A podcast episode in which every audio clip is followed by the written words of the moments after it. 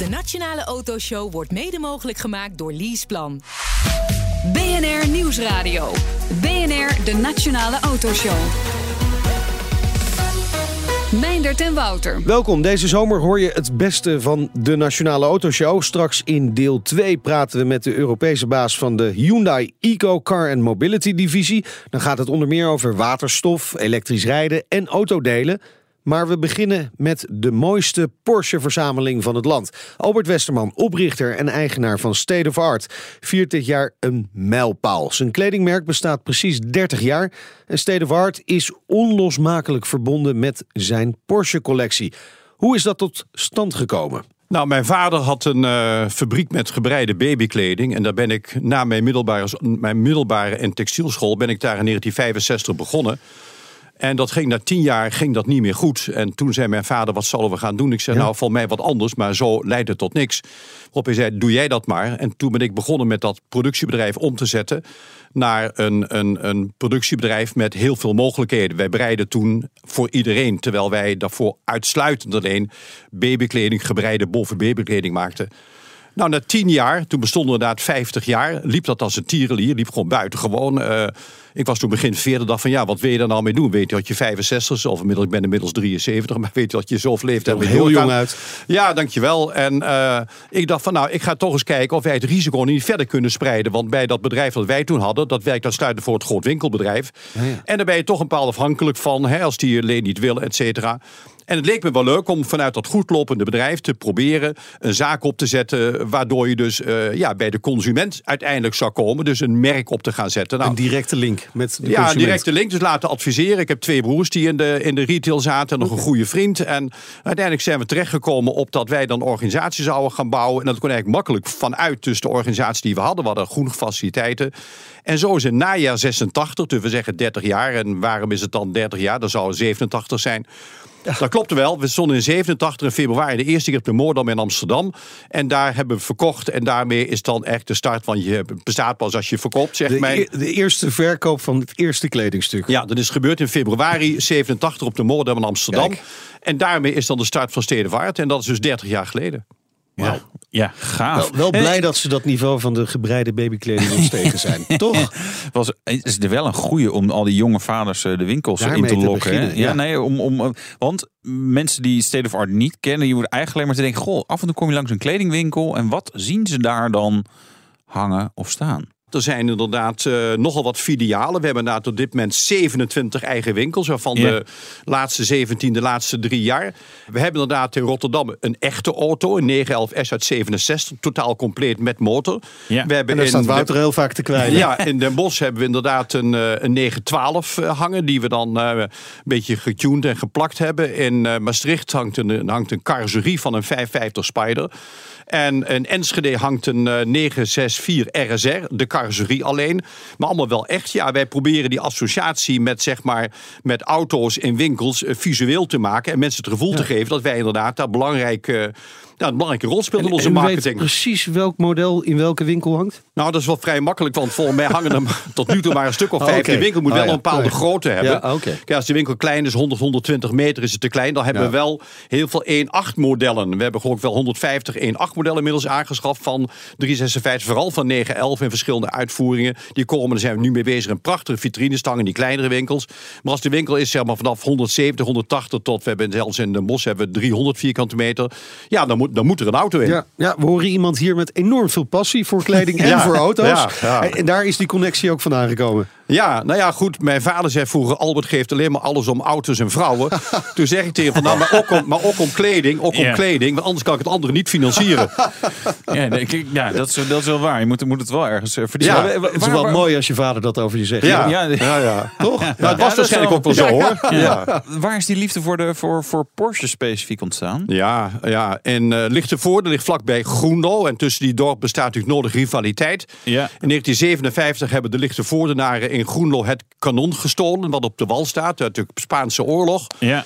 En dat eh, hebben ze drie weken later in optocht weer opgehaald in Lichtenvoort. En in de hoofdstraat van Lichtenvoort liepen al die Spanjaarden, grollenaar als Spanjaarden verkleed. En daarvoor reed een architect in een 356 Cabrio uit 1953. En eh, ik zag dat ding dacht van, die wil ik later ook hebben. Ja. Het heeft wel een hele tijd geduurd. Ik heb eerst een 911 uh, oude gekocht. En in 92 heb ik inderdaad die 53er eh, voor A Cabrio gekocht in zilvergrijs. En, maar daar is het vandaan gekomen. Ja, dus eh, dat gaat eigenlijk helemaal terug tot de 80-jarige oorlog. eh, Eh, eh. uiteindelijk ja. Die, door die Spanjaarden, Ja, ja, die precies. Hollandaren. Ja, ja. Hebben we daar wel een linkje? Want ik kom uit uh, Brielen oorspronkelijk. En uh, dat was de eerste Ja? stad die Ja. door uh, En ik, eh, werd bevrijd. Ik hè, ben door de Geuzen. opgegroeid naast Leiden. Ja, dus, eh, jongen, we hebben hier allemaal connecties hier, Ik ja. ben ook op 3 oktober jarig Leidensontzet. Ja, Ja, ja, ja, ja, ja. Hutspot en klapworst. Ehm, de eerste eigen Porsche. De eerste eigen Porsche was een eh, 911 Targa uit 1967 of 68.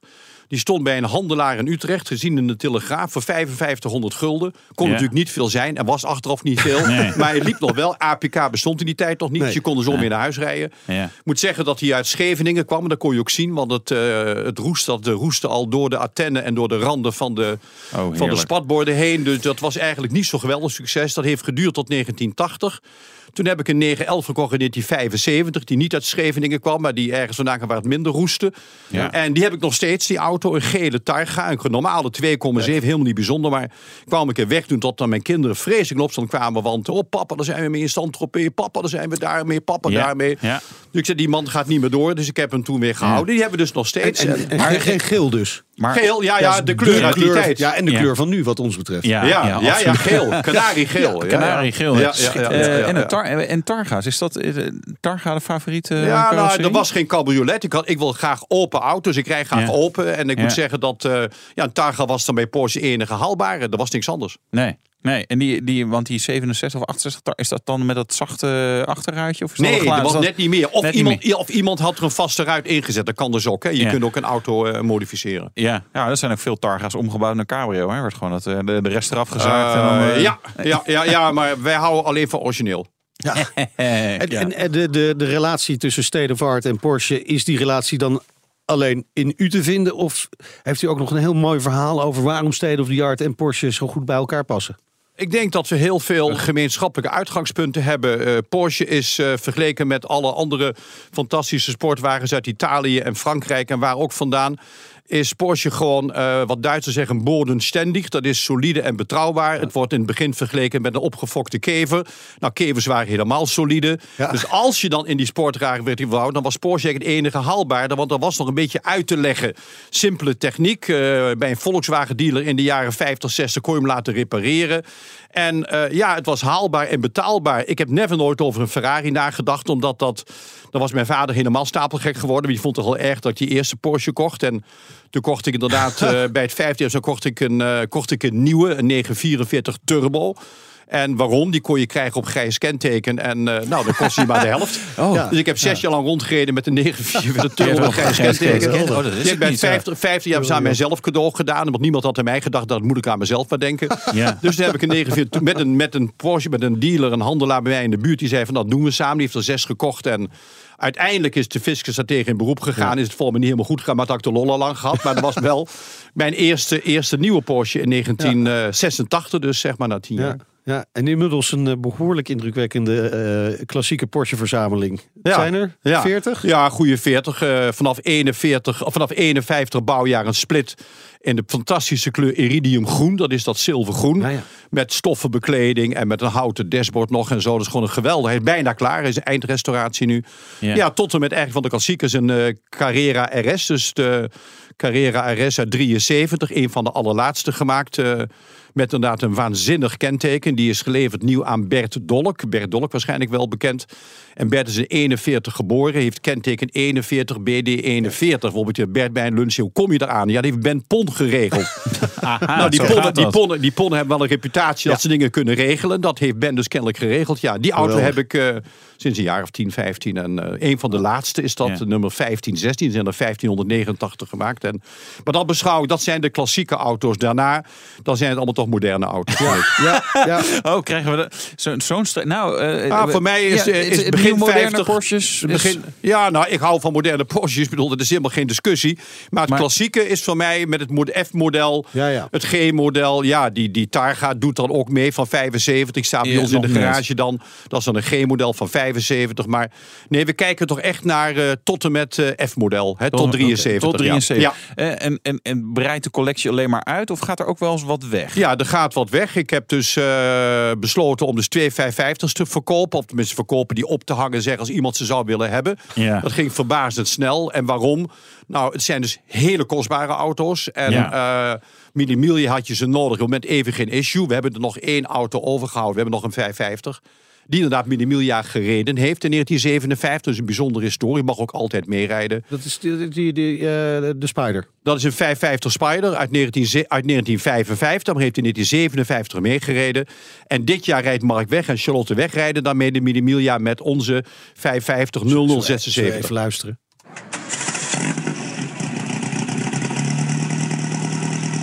Four cam engine. Mooi hè? Ja, schitterend.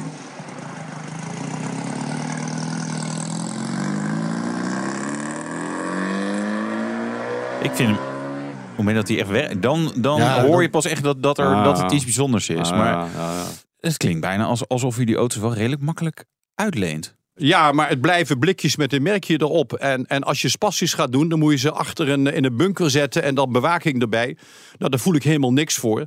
En het ergste wat kan gebeuren is inderdaad dat ze beschadigen of kapot, et cetera. meer. Dat hebben we ook meegemaakt. Alleen van de andere kant, dat neemt de pret niet weg die we hadden hebben door het uitlenen. En doordat wij in staat waren naar hele interessante, prominente mensen te vinden. Die inderdaad met ons dat avontuur meewouden. En die enorm veel bijgedragen hebben aan de, ja, zeg maar de waarde van, van de Porsche-collectie. En zeker van het merk State of Art. En zometeen meer over de collectie van Albert Westerman. En eh, we doen natuurlijk ook de Petrolhead Check met hem. BNR Nieuwsradio. De Nationale Autoshow. Het is tijd voor. De Petrolhead Check. Ja, en die doen we met eh, State of Art oprichter en Porsche-verzamelaar Albert Westerman.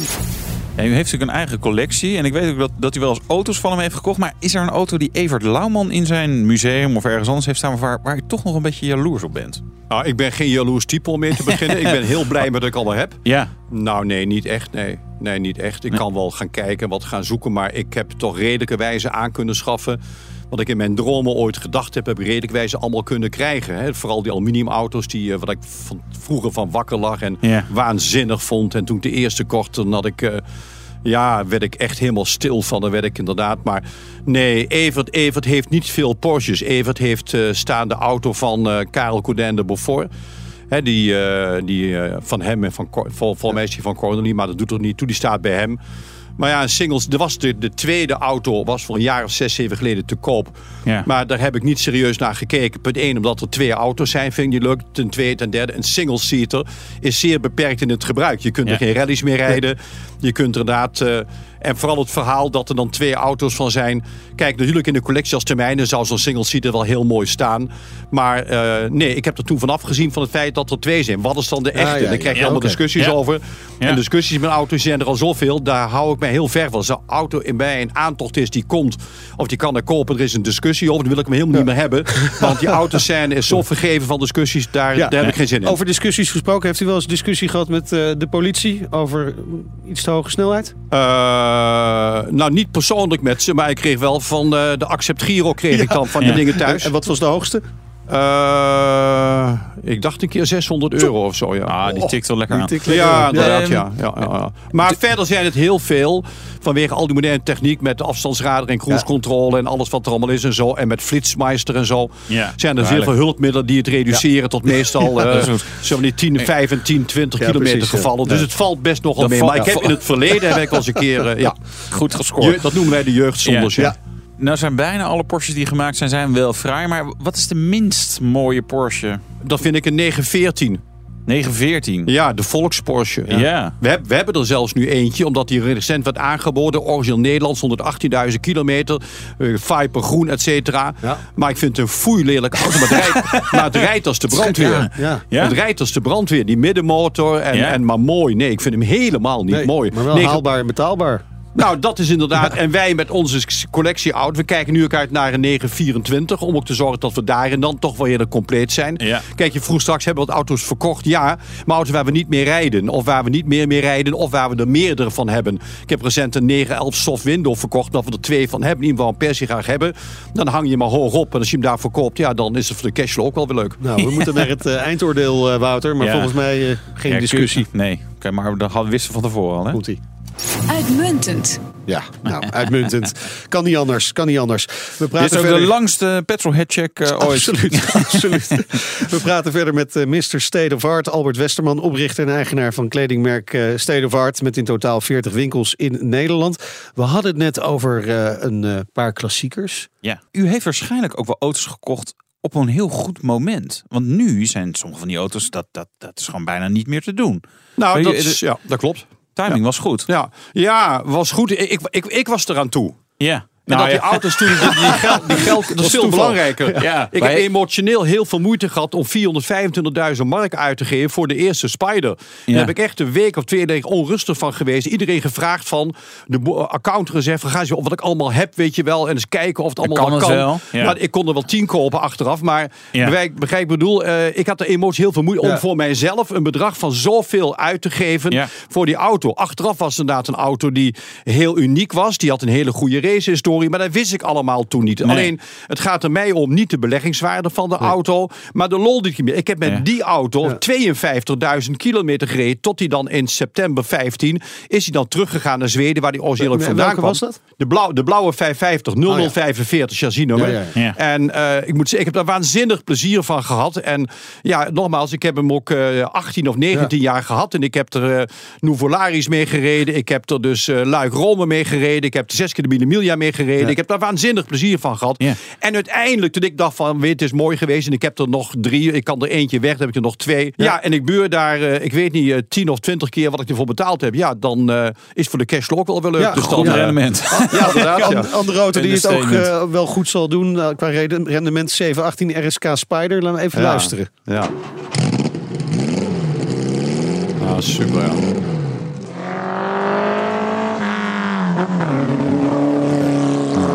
Ja. Ja. 35 van gebouwd, hè? Maar, 34. oh, 34. 34. Ja, Oké. ja, ja. Ja. En er zijn er zes gebouwd als werksprototype. En daar zijn er twee van. eh eentje is de afgebrand, de andere is nooit meer opgebouwd. Er zijn dus nog vier over. Dit is nummer 4, 004, 718 004. Ja. Gekocht inderdaad eh, van Evert Lauwman. Evert Lauwman kocht in eh, Duitsland de Rosso Bianco collectie. Ik dacht 186 auto's. Maar Evert heeft weinig met Porsche. En die zegt van Albert, van, dat is wel wat voor jou. Ik zeg, eh, ja, die wil ik wel graag hebben. Nou, toen heeft dat een tijdje geduurd. En toen kwam ik daar in die hal waar dat hele zootje stond. En daar lag in een hoek lag ook nog een soort chassis met stukken carrosserie en een motor en een bak. Nou, met Evert over eens geworden. En hebben we er drie jaar over gedaan om de geschiedenis te achterhalen. Een goede aluminiumbouw te vinden. En ja, nu is het weer een waanzinnige auto. En de historie, wie ik toen niet wist, maar blijkt dan... is dat onze eigen Karel Codijn de Beaufort daar in 1959 op de... 1958 zo op de Avus in Berlijn mee gereden heeft. Met deze auto. Dat is Ja, wel heel erg leuk. En, eh, ja, heel erg leuk. Ook Jean Bérard heeft er mee gereden. En hij heeft, hij, heeft, hij heeft Le Mans gereden en zo. Maar, en vaak is het toch zo. Niet vaak zo. Het is zo. De historie bepaalt de waarde van de auto. Welke auto rijdt u zelf het liefst? Een Carrera 2 liter cabrio uit 1962. Nou, laat ik die nou net klaar hebben staan. Het is niet te geloven. ja, ja. Je hoeft er niet eens mee te rijden om er vrolijk van te worden. Nee, nee, nee, inderdaad, ja. En waarom specifiek deze auto? Uh, het, is, eh, het is een 356. Hij is een stuk comfortabeler als een Spider om in te zitten. Zeker als je wat ouder wordt. Het is een zwaar 56, 2 liter met 130 pk. Alleen inmiddels heeft hij wel door wat tuning en wat kleiner aanpas iets van 146 pk. Het is een 356 die weinig opvalt. Die een super sound maakt. Die, eh, kijk, een eh, 356 met een stoterstangenmotor. Die houdt een keer bij 3, 4.500 toeren. Dan is het het einde van de... Maar deze gaat gewoon tot 7000 toeren. En eh, ik heb er ook op staan. eh, li- live starts at 4000 rpm. Porsche 4Cam. Ja. Maar dat is ook zo. Bij 4000 begint die pas echt te leven. En daar zit er een kracht in en Ja. een sound in. En ja, ik kan er ontzettend van genieten. Mijn fijnste auto. Klassieke auto. Klassiek, ja, maar dat zeggen we. Dat, eh, dagelijks Ja. zal hij niet eh, in deze auto rijden, toch? Nee, nee. Op zondags wel eens af en toe, maar dan gaat toch de voorkeur uit naar een 911 Turbo SL. Dat klopt, ja. We, we- we moeten het echt over de Millimilia gaan hebben. Ja, heel goed. State of Art is onlosmakelijk verbonden met Porsche, maar Ja. ook met de Millimilia. Ja. Zes jaar lang hoofdsponsor Ja, geweest. ja. Ja, inderdaad. Nou, als hoofdsponsor sponsor geweest, waardoor wij vijf auto's mochten laten meerijden. Dat zat in de sponsordeal in. En wij de rechten kregen om dan eh, kleding te mogen verkopen onder het merk uh, Minimilia. Wat zeer succesvol is gelopen. En die zes jaar hebben wij gebruikt omdat, eh, ja, ik werd al redelijk belaagd. Vooral, ik heb een hele goede relatie met Ben Pon en Gijs van Lennep. En eh, Ben Pon zei van, ja, we rijden samen de Minimilia. Ik zei, Ben, dat werkt niet. Want, want als het stuur past er maar één. Ik kan niet navigeren en jij wilt dat niet. Dus met andere woorden, dat ja, wordt helemaal ja. niet wat. Nee. Maar eerder werd gezegd van volgens mij rij jij volgend jaar maar met Gijs. En dan regelen we alles netjes. Jij zorgt voor de nodige publiciteit. En je bent wat dat betreft... eh, en zo is dat in 2006 begonnen, ja. Wat vonden de Italianen daarvan? Vonden die dat niet gek? Nou, de Italianen waren denk ik uiteindelijk wel met ons wel redelijk tevreden. Want we brachten natuurlijk wel heel veel in die... Ik praat niet over het eerste jaar, Nee. want dan za- zagen ze ons nauwelijks staan natuurlijk.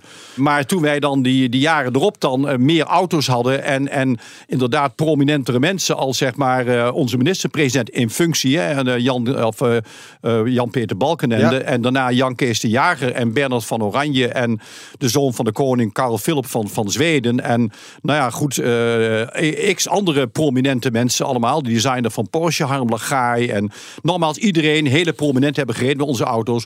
Nou, dat vonden ze toch wel interessant. Ja, dat was toch wel aardig dat daar zoveel, eh, zoveel prominentie op afkwam. En dan met mooie auto's. Beginnen we dan drie Spiders en een eh, Ja. 356 mee rijden. En eh, nee, dat vonden ze wel leuk, ja. ja. Het, het klinkt een- soms een beetje als een gaaf autofeestje waar heel veel mensen jaloers eh, op zijn natuurlijk. Maar wat deed het zakelijk voor, voor State of Art? Ik kan me voorstellen dat mensen ook wel denken, nou, god, dan gaan ze weer eh, met eh. Nou, dikke, ik- dikke Porsches rijden in, eh, in. Italië. Ah, ah, ah, ah. er Ja, maar wij, marketing ja, maar wij, verkopen nog steeds eh, uitstekend betaalbare kleding. En daar kijken we naar kwalitatief beter als welke ander dus ook. Dat, blijft, dat blijven Ja. we ook doen. Met andere woorden, ik denk dat het ons status heeft gegeven. Van die jongens uit de Achterhoek toch maar van elkaar gekregen om daar in Italië op te treden. En die komen daar met een, met een stel auto's aanrijden en met mensen. Nou, wacht eens even, dat hebben ze toch maar van elkaar gekregen. Ik denk dat dat idee en dat gevoel, heel veel dacht hij van, onderschat die jongens niet, want ze krijgen het toch maar van elkaar. Om daar zeg maar op die Plaza de Loggia een groot hospitality te hebben met fantastische zaken allemaal. Goede cateraar uit Lichtenvoorde meegenomen. Een fantastische stand waar wij gewoon de mooiste kleding verkopen. Mooi als Italianen allemaal.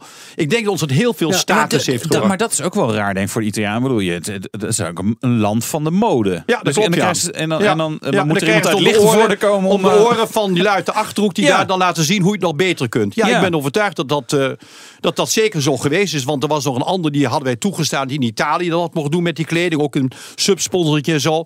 Maar dat spul zag er ook niet uit. Dat is- zag er niet uit. Maar, Nee, maar dat zeg ik niet alleen, dat zeggen Nee. mijn klanten. Nee, Maar ja, heeft dus veel goeds gebracht. Gaat u het weer sponsoren? Wij hebben een gesprek gehad op de Technoclassica recent, eh, begin van deze maand. En eh, wij proberen in 2018 weer sponsor en of licentienemer. Of alleen licentienemer en sponsor. Maar ik moet zeggen, we hebben nu dan vanaf 2013 heeft Ben Pon nog een keer gereden. Michel Peridon. Ja. En daarna hebben wij er geen contact meer mee. Nee, we gaan er ook niet naartoe. Dit jaar gaan er twee auto's van ons dan mee. Maar daar gaan wij niet naartoe. Maar die gaan er met onze monteurs. En ik moet zeggen dat ik mijn handen jeuken eigenlijk wel om er volgend jaar weer te zijn. En dan wil ik ook graag wel weer zo'n feestje. En, ook zelf rijden? Nee, nee, ik heb dat zes keer gedaan. En ik, eh, ik weet mensen, ik weet mijn kinderen die zeggen... oh papa, misschien wel, zus en zo.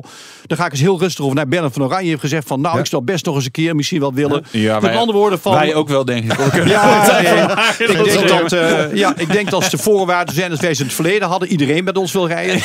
Het is de vraag of die voorwaarden volgend Ja. jaar nog zo zijn. Maar in ieder geval... Nou, ik wil ook wel mijn eigen lunch uh, Ja, trommeltje meenemen. Ja, Geen probleem. Ja, tik hem draaien, dat betaal je waarschijnlijk ook zelf. Ja, doe ik dat ook wel, ja, dat dacht ik al. helemaal geregeld. Ja, daarom. Maar in ieder geval, wij moeten dat rustig afwachten. We zijn er Ja. druk over aan het praten. Ik hoop dat het wat wordt. Zo niet, wij zijn nu de sponsor van La Carrera Panamericana... die ik vier jaar geleden met de Gijs Lem toch succesvol heb gereden. Dat is ook prima, maar het is minder als de Minimilia. Dus wij streven naar de Minimilia. Je hoorde Albert Westerman, de grondlegger van kledingmerk State of Art. En wat heeft hij een schitterende Porsche-collectie om de duimen en vingers bij af te likken. Zo dadelijk Frank Meijer, hij is baas van de Eco Car and Mobility divisie bij Hyundai in Europa. Tot zo. De Nationale Autoshow wordt mede mogelijk gemaakt door Leaseplan. BNR Nieuwsradio. BNR, de Nationale Autoshow. Meindert en Wouter. Hyundai is ermee bezig, maar je hoort er de laatste tijd vrij weinig over. Waterstof.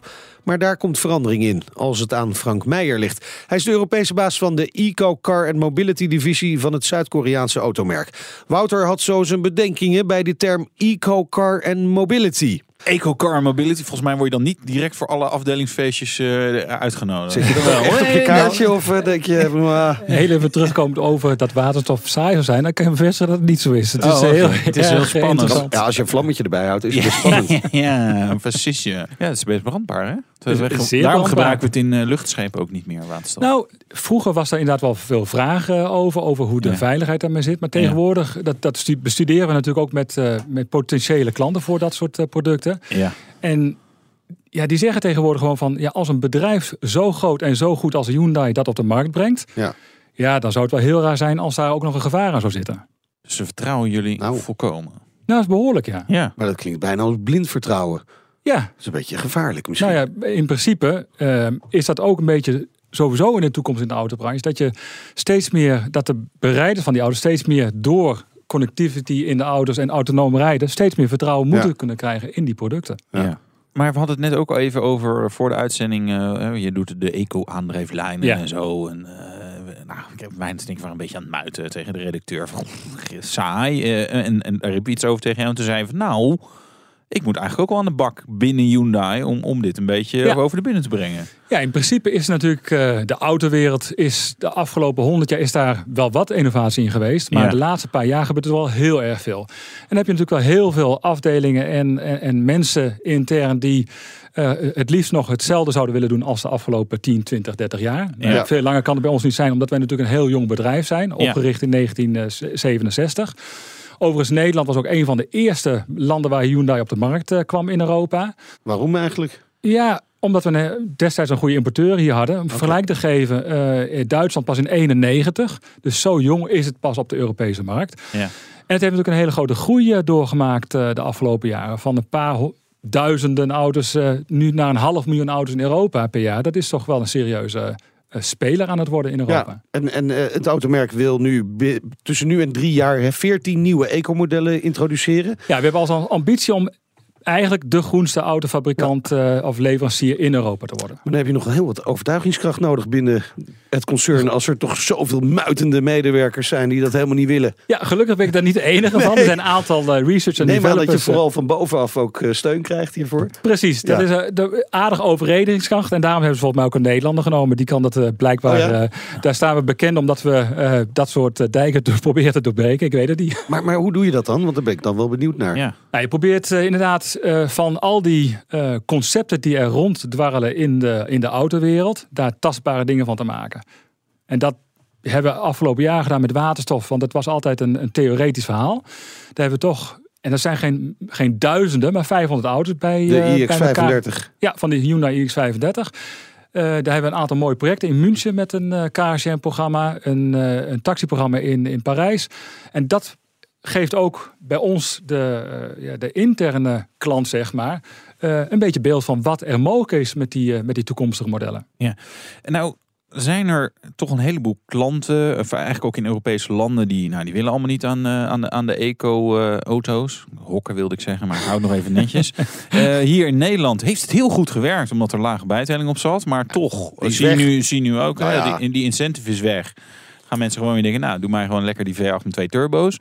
Dus eigenlijk mijn vraag is, intern weerstand, klanten worden er niet altijd helemaal gelukkig van. Dus waarom moeten we ermee door? Nou, moet je een beetje corrige- corrigeren. Ondanks dat die bijtelling veranderd is, zien we wel dat de eh, elektrische auto's toch een goede groei aanneemt op dit moment. Dat Ja. duurt nog wel ja, een daar tijdje. zit, maar- daar, zit, bedoel, daar zit ook gewoon weer een enorme belastingkorting op. Dus ja, dat willen Nederlanders dan wel. ja, eh, Alles wat goedkoop is, dat willen wij. Nou, niet alleen wij, maar Noor, de Noren hebben daar ons voorbeeld aan eh, ingediend, zeg maar. Daar Ja. is 30% van alle nieuwe auto's die daar verkocht worden, die zijn van een andere aandrijflijn, waarvan de merendeel eh, eh, Ja. elektrisch. Het is de grootste olie-exporteur in, eh, Ja, in Europa. De exporteur. Het is de enige exporteur in Europa. Dus een beetje hypocriet. Maar goed, dat, eh, dat is trouwens wel wat anders. Een ander Ja. onderwerp is dat, want dat is natuurlijk wel, bijvoorbeeld voor waterstof is dat het ultieme doel. Dat we niet meer afhankelijk zijn van het Midden-Oosten Ja. of import. import Of want Noorwegen per dus. dag een miljard Ja, aan ja, olie ja. geïmporteerd. En dat kun je Oké. natuurlijk met andere Ja, dingen even wel interessant om die eh, waterstofauto eruit te pikken. Hè? Want Ja. van die 14 modellen tot 2020 i- komt er één waterstofmodel. Twee. Twee. Ja. Kijk, Binnen de groep. binnen de groep. Ah. Oh, een Kia en een Hyundai dus. Ja, de Hyundai is voor mij belangrijk hoor. Dat begrijp ik. Ja, maar dat, dat is binnen de groep. Kia, Ja, de Hyundai die zal als Hyundai, eerste komen volgend Ja, jaar. Ja. En, en dat is een auto, eh, want die iX35 op waterstof, dat was natuurlijk op een bestaand model Ja. eh, gebaseerd. Dit is echt van grond af aan opgebouwd als waterstofauto. Ja, we proberen nog wel steeds een aantal eh, elementen zoals het platform wel te gebruiken Ja. van een bestaande auto. Dat maakt hem goedkoper natuurlijk. Precies, want dat is nog steeds eh, een van de belangrijke dingen om Ja. het tastbaar en, en ook beschikbaar te maken voor. eh, Dan voor- hebben jullie natuurlijk een platform gekozen wat, waar al veel verschillende aandrijflijnen in zitten. Of niet? Ehm, nee, niet helemaal. Want we, Oh. we gebruiken dat platform omdat die batterij daarin centraal zal Ja. komen te staan. Want voor een waterstofauto heb je nog steeds een ba- grote batterij nodig. Ehm, Ook onhandig. Dus die zal daar, het Ja. nieuwe platform, wat ook echt specifiek voor elektrische en groene auto's is, is Ja. een nieuw Hyundai-platform wat we op de markt gaan Oké. zetten. Oké, dus niet het eh, platform van de Ioniq. Nee, echt een nieuw platform. Oké. Nieuw platform. En aan welke eisen moet zo'n platform voldoen om, om waterstof een eh, plekje te geven? Nou ja, dat is het grappige. In het verleden waren er hele rare constructies met alles in de bodemplaat. En dan zag je een aantal Europese merken daarmee experimenteren. En we hebben dat eigenlijk ook met die iX35 al eh, laten zien. Is dat we gewoon het motorcompartiment, dat we dat gebruiken voor de waterstof, brandstofcel. Ja. Dan onder het middenstuk elektrische bat of de batterij. En achterin, waar normaal ook altijd de tanks zaten, ook die tanks. Waardoor je gelijk weer veel toegankelijke platform hebt. En dat je niet alleen maar voor die waterstofauto een platform moet gaan bouwen. Maar is dat het ideaalplaatje om dat zo te doen? Of als je, eh, stel, we gaan gewoon echt geen verbrandingsmotoren meer met, met, met fossiele brandstoffen doen. Zou je dan een waterstofauto helemaal anders ontwerpen? Of juist niet? Maakt er niet zoveel uit. Nee, niet vind, nee, nee, zou Niet niet, veel. nee, het zou eigenlijk niet. Want we merken dat ook dat op de, in onze huidige setup eh, de beenruimte, de binnenruimte, zeg maar, gewoon ideaal is. Dus het is echt wel een, eh, een goed format. Ook omdat, ja, we, hebben, we kiezen ook weer volgende, volgend jaar voor een SUV. Ja, dat is toch de Ja. booming markt eh, Ja. ook in Ja. Nederland. Ja, wel eh, inherent eh, niet zo heel groen en ecologisch verantwoord. eh, Zo'n hoge, zware auto met vier wielen Ja, maar dat is wat juist, juist de USP is dat het is een SUV en toch groen. En Ja. toch groen, die iX35 waterstof die reed zo'n, die kon op een volle tank zo'n 600 kilometer rijden. Ja, de NEDC of de, de, de maatstaf eh, was die 594 Ja. kilometer. Reëel. In Nederland en Noorwegen red je dat redelijk. Zeg Ja. maar 500, 520 kilometer. In Duitsland red je dat niet. Want je rijdt eigenlijk zo liefst mogelijk, zo snel mogelijk boven die 160 Ja. eh, kilometer per uur. ja. En dan gaat het brandstofverbruik Ja. eh, aardig omhoog. Ja. En, en de nieuwe? De designdoelstelling is eh, eh, 800 kilometer. Dus als je 750, 800 kilometer NEDC hebt, een reële Ja. waarde van 700, 720 kilometer, ja, dat zou super zijn. Want dan zijn we gelijk niet meer zo afhankelijk van het netwerk in Nederland. Nou, dat wilde ik vragen. Want Ja. hoeveel, hoeveel tankstations heb je dan nodig? ja, in Nederland zou je eigenlijk met 15 tot 20 pompstations voldoende hebben. Moeten we er nog Ja, hoeveel 19 hebben we er al? aanleggen, Ja. geloof ik? Zoiets, is toch? Ja. Dramatisch. Ja, verschrikkelijk toch? ja. Ja, wij, ik heb een paar weken geleden hier ook in Amsterdam een presentatie gegeven. We hebben in 2014 het laatste pompstation geopend. Nou, dat is Ja. zeer teleurstellend. Vooral Ja, als fabrikant als je zo'n in hebt. Amsterdam hebben ze hem gesloten zelfs. En er was een waterstoftankstation bij eh, zo'n busstation ergens hier in Amsterdam. Ik ken, al- ik ken al die wijken niet. BNR Nieuwsradio. BNR, de Nationale Autoshow. We gaan rijden. De rijimpressie. Het dak kan open, Wouter.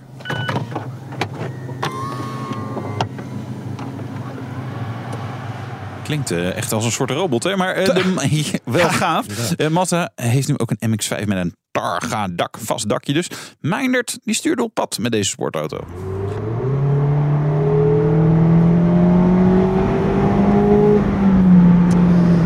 Ja, bestaat er een betaalbaar medicijn tegen een midlife crisis? Nou, het antwoord is ja. En het recept: achterwielaandrijving, klein, licht, voldoende vermogen.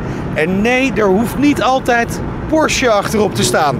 Dit is de Mazda MX-5 RF.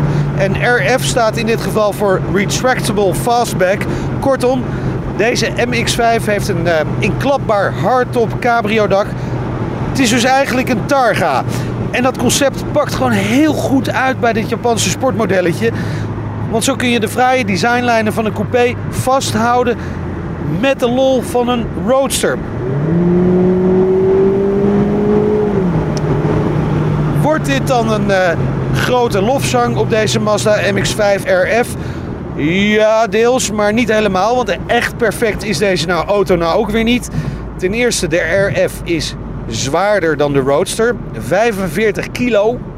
Dat is best wel extra gewicht die je ook gewoon mee moet zeulen. Uiteraard komt dat door de dakconstructie die in vier delen automatisch opent en sluit in 13 seconden tot een snelheid van 10 km per uur. Ja, dat is natuurlijk wel heel weinig. Tweede punt. Mazda heeft ons de automaat meegegeven. Nou presteert die zestraps Sky Active G-transmissie best naar behoren. Maar ja, in een Mazda MX-5 hoor je gewoon lekker zelf te schakelen. Had je niet moeten doen, Mazda. Gelukkig wordt de MX-5 standaard gewoon wel met een handbak geleverd. En hebben we flippers achter het stuur. En die maken het leven weer een stuk aangenamer. Nou, dat is er dan even uit. Tot zover de echt grote kritiekpunten. Want voor de rest is dit echt wel ja, een fantastische MX-5 die je graag op je oprit of in je garagebox wil hebben. Hij ziet er zowel met open dak als met dicht dak gewoon heel strak uit. Kijk vooral even de foto's als je daar tijd voor hebt. En bovendien, Mazda ontwikkelde deze RF-variant onderhuids nog wat verder door dan de Roadster. Besturing en de wielophanging kregen een upgrade, waardoor de sportauto gewoon nog net even een stukje beter op de weg ligt. Je voelt het bij het insturen van de bochten en verder is binnen in de isolatie, dat hoor je nu niet want het dak staat open, maar de isolatie is beter op orde, waardoor je met het dak dicht minder last hebt van al dat windgeruis. Nou, onder de motorkap van deze testauto ligt een 2 liter 4-cilinder benzinemotor met 160 pk. Is dat voldoende power? Ja. Willen we meer? Ja, natuurlijk.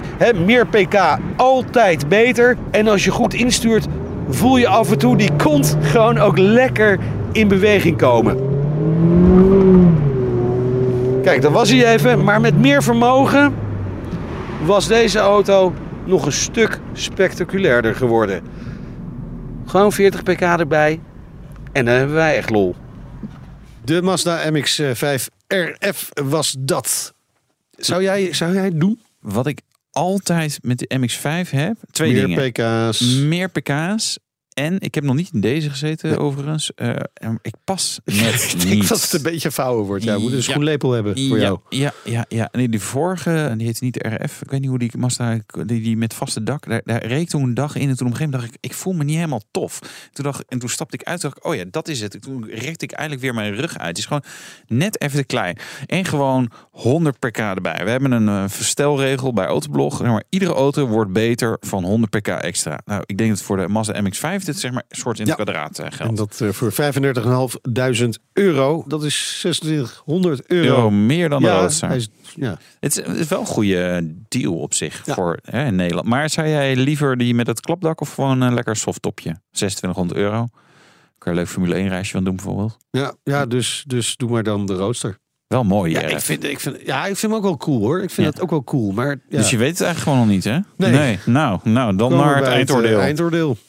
Dat dit nog gemaakt wordt. ja, dat is blijkbaar het eindoordeel. Nou, Ja, daar hebben we heel lang over vergaderd. maar toen eh, zat jij, was jij net koffie aan het ja, halen. dat denk ik ja. En zometeen ook Hyundai stapt in mobiliteitsoplossingen. BNR Nieuwsradio. BNR, de Nationale Autoshow. Het is tijd voor De Petrolhead Check. Ja, de Petrolhead Check. Daar heb ik nu wel echt veel zin in. Die doen we met de Hyundai Eco Car and Mobility Chef, eh, chef Frank Meijer. Ben je er klaar voor? Je wil zeggen ja, maar ja, gaan we maar Ja, doen. ja. ik, ik ga een andere vraag van maken. Wat, wat is de hoogste snelheid die je ooit hebt gereden? Want je, je woont en werkt in Duitsland. Dus, eh, 250. Ah, Oh, je hebt toch niet de 300 gepasseerd? Nee, was een begrensde Ik ook niet. Dat was een Hyundai Genesis, Ja. dus dat... ja. Die staat bij mij nog de- voor dit jaar op eh Dat is de 300 agenda. passeren. Ja, Oh, moet ik dit jaar nog doen. Ja, ik heb het al twee keer Ja, gedaan. Eh, drie keer gedaan eh, dit jaar. Ja. Nou, lekker. Nadat, het, nadat ik dat had gezegd in de uitzending, dat Ja. ik het nog niet had gedaan dit jaar. Eh, van welke auto heb je spijt? Het mag ook een van het merk zijn. vinden wij wel het leukste ik als niet. Ja. ja, je hebt toch allemaal wel eens een auto waar je denkt, nou, die had ik gewoon niet moeten kopen. Of Mag ook een soort of- verhouding zijn Ja. hoor. Die ken ik ook wel Ik, namelijk. ik, heb, ik heb nog nooit een auto gekocht. Echt niet? Maar Nee, je hebt ooit, eens een voor, ooit een keer een Honda Jazz, Ja. heel lang geleden. Nou, daar heb je toch ja. wel een beetje spijt van. nee, want die kon ik hartstikke goed verkopen. Dus, eh, nee, echt, ik heb geen auto waar ik spijt van heb. Oké, eh, reële droomauto. Het mag niet van het concern zijn. Dus wat zou je een beetje binnen bereiken? Je krijgt die dikke bonus omdat het toch helemaal goed gaat. Wat zou je dan kopen? Ja, ze hadden me al voor gewaarschuwd voor deze vraag. Ja, Heb ik niet. Die, ah, dat is saai hè? Ja, weet We ik. weten dat je, zo, je gaat zo'n oordeel krijgen van ons hè? Eh, Het is dan eigenlijk, ik heb er heel lang over nagedacht, echt de, de afgelopen week. Het is echt een Formule 1 auto, een, een McLaren eh, Formule 1. Dat is je dat? Ja, dat mag. Ja, nou, reëel. Ja, ik, blijkbaar, ik ga bij Hyundai solliciteren. Want als dat reëel is eh, voor eh, Ja. een beetje functie. Nou, Ja, ja, nou begin ik te twijfelen. Want ik zat eerst dat ik echt... We gaan naar het oordeel. ja. Maar eerst zat ik bij de... Bij echt vrij, vrij slecht gewoon. Maar Ja, dat laatste is- antwoord maakt Ja. wel een hoop goed hoor. Dan haal ik gelijk die 300. ja. Ook Dan dat. mag je ook rijden. Gewoon bij jezelf in de straat ook nog. Nou, eh, dan gaan we gewoon hier naartoe. Wel onder de voorwaarde dat je het ook echt gaat doen. Uitmuntend. Uit- Maar dat is wel, eh, daar Ja, ben ik ik wel daarvan afhankelijk. Volgend jaar kom je hier nog en dan kom je met een McLaren. Graag. Heel goed. We praten verder met Frank Meijer, hoofd van de Eco Car and Mobility divisie bij Hyundai Europa. Ja. Ehm, we hadden het net over die waterstofauto die eraan gaat komen. Eh, we zagen een studiemodel in Genève. Ja. De FE Fuel Cell Concept SUV. Die gaat er komen, dat wordt hem. Ja, iets anders. Een paar jaar geleden hebben we ook zo'n soort vergelijkbare auto gehad op de basis van de Hyundai X35. Er stond er ook een jaar daarvoor een conceptauto in Genève. En zo moet je het ongeveer zien. Het is niet zo exact die auto. Vooral de binnenkant zal eh, eh, echt anders zijn. Wat normaler Ja, gelukkig. Want die was wel heel erg springend. Eh, maar de buitenkant zit er Maar als, wel... we- als we in percentages denken, hoe, hoe groot is de Ja, gelijkenis? 60, 70 60, 60 70 procent. Ja. Oké. En, en de naam? Want hij gaat vast niet de FE Fuel Cell. hij gaat gewoon sowieso Hyundai iets heten. Maar, ja, eh, en dan een i'tje en een eh, x'je. Nee, we, we hebben toevallig eergisteren hebben we gesprekken gehad eh, op ons kantoor. Omdat we een aantal voorstellen hebben gedaan. Maar daar mag ik dus niks over zeggen. Dus eh, ik kan daar niks over zeggen. Echt. Maar hoe gaat dat dan? Hoe, hoe werkt dat? Want mag iedereen, eh, wie weet er een goede naam? Ja! Nee, dat gaat wel door een hele We commissie. noemen hem Dat wordt tot- Donald. Tot, Zoiets. aan, de, aan de top wordt dat besloten. Maar iedere Ja. regio, dus eh, Amerika, eh, Europa, Azië. Iedereen kan daar zijn inbreng op geven. En ook een reden geven waarom wel en waarom niet. Ja, De pony. Weet je, een historische naam. dat is wel leuk. Ja, Ja, We hoeven maar- niet meer dat voor was, te betalen om die rechten, zeg maar. Nee, Nee, dat heb je wel. maar kun, je, kun je een voorbeeld geven van een naam die het niet is geworden? Nee, ik kan, ja, ik kan, Ah. want het zou, ik kan het begin van het gedeelte niet, hupplepup, hydrogen. En Oh. de Amerikanen wilden dat heel graag, dat het iets hydrogen zou Ja. worden. En dat zou ook wel, je hebt natuurlijk ook de eh, Ionic Hybrid, de Ja. Ionic Electric, noem maar eens maar op. En toen hebben we gezegd, ja, dat is heel lastig in Europa, want in elk land spreken ze dat anders uit.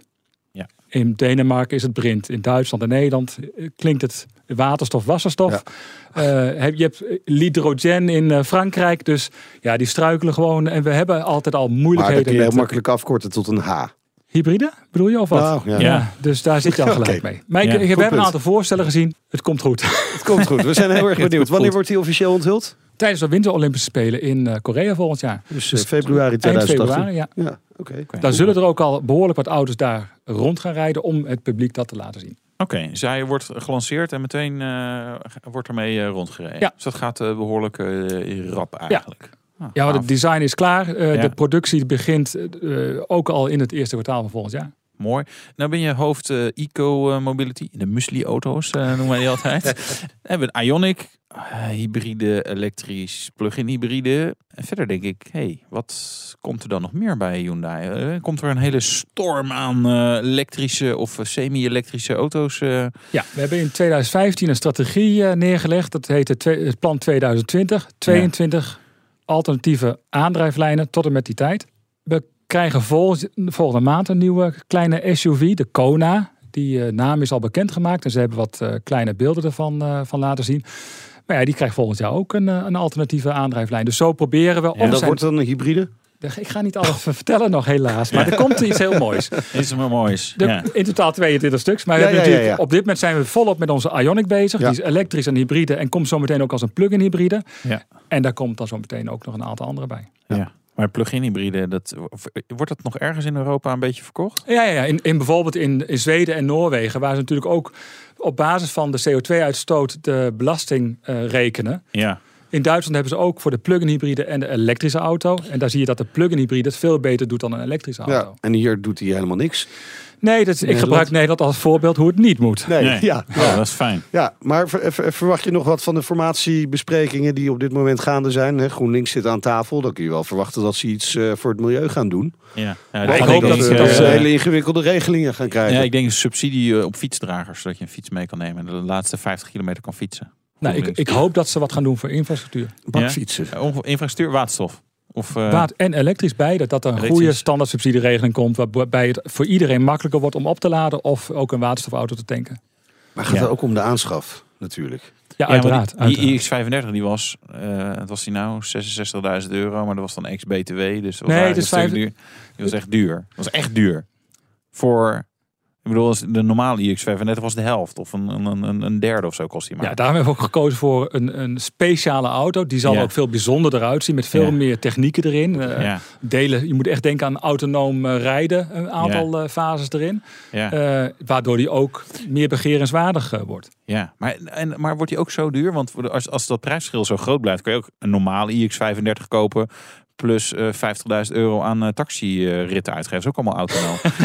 nee, maar, eh, het is wel echt, de prijs is natuurlijk wel Ja, de prijsverschil is nog wel een, bij- een tijd ontstaan. Hoewel dat in een aantal landen, zoals Nederland, zit het toch wel redelijk dicht bij elkaar. De, de normale smerige auto's, ja, jullie vinden het mooie auto's, maar het zijn voor de industrie zijn dat eh eh, milieu-onvriendelijke, dus smerige auto's. Ja, Eh, die hebben dusdanig veel CO, CO2 BPM, ja. waardoor dat weer makkelijker dat stapje wordt om eh, te maken naar een milieuvriendelijke De, auto. de, de full electric eh, eh, Hyundai's, waar gaat de actieradius naartoe? Want er zijn allemaal concurrenten. hè. De Ioniq die heeft 280 kilometer 280, ja. actieradius.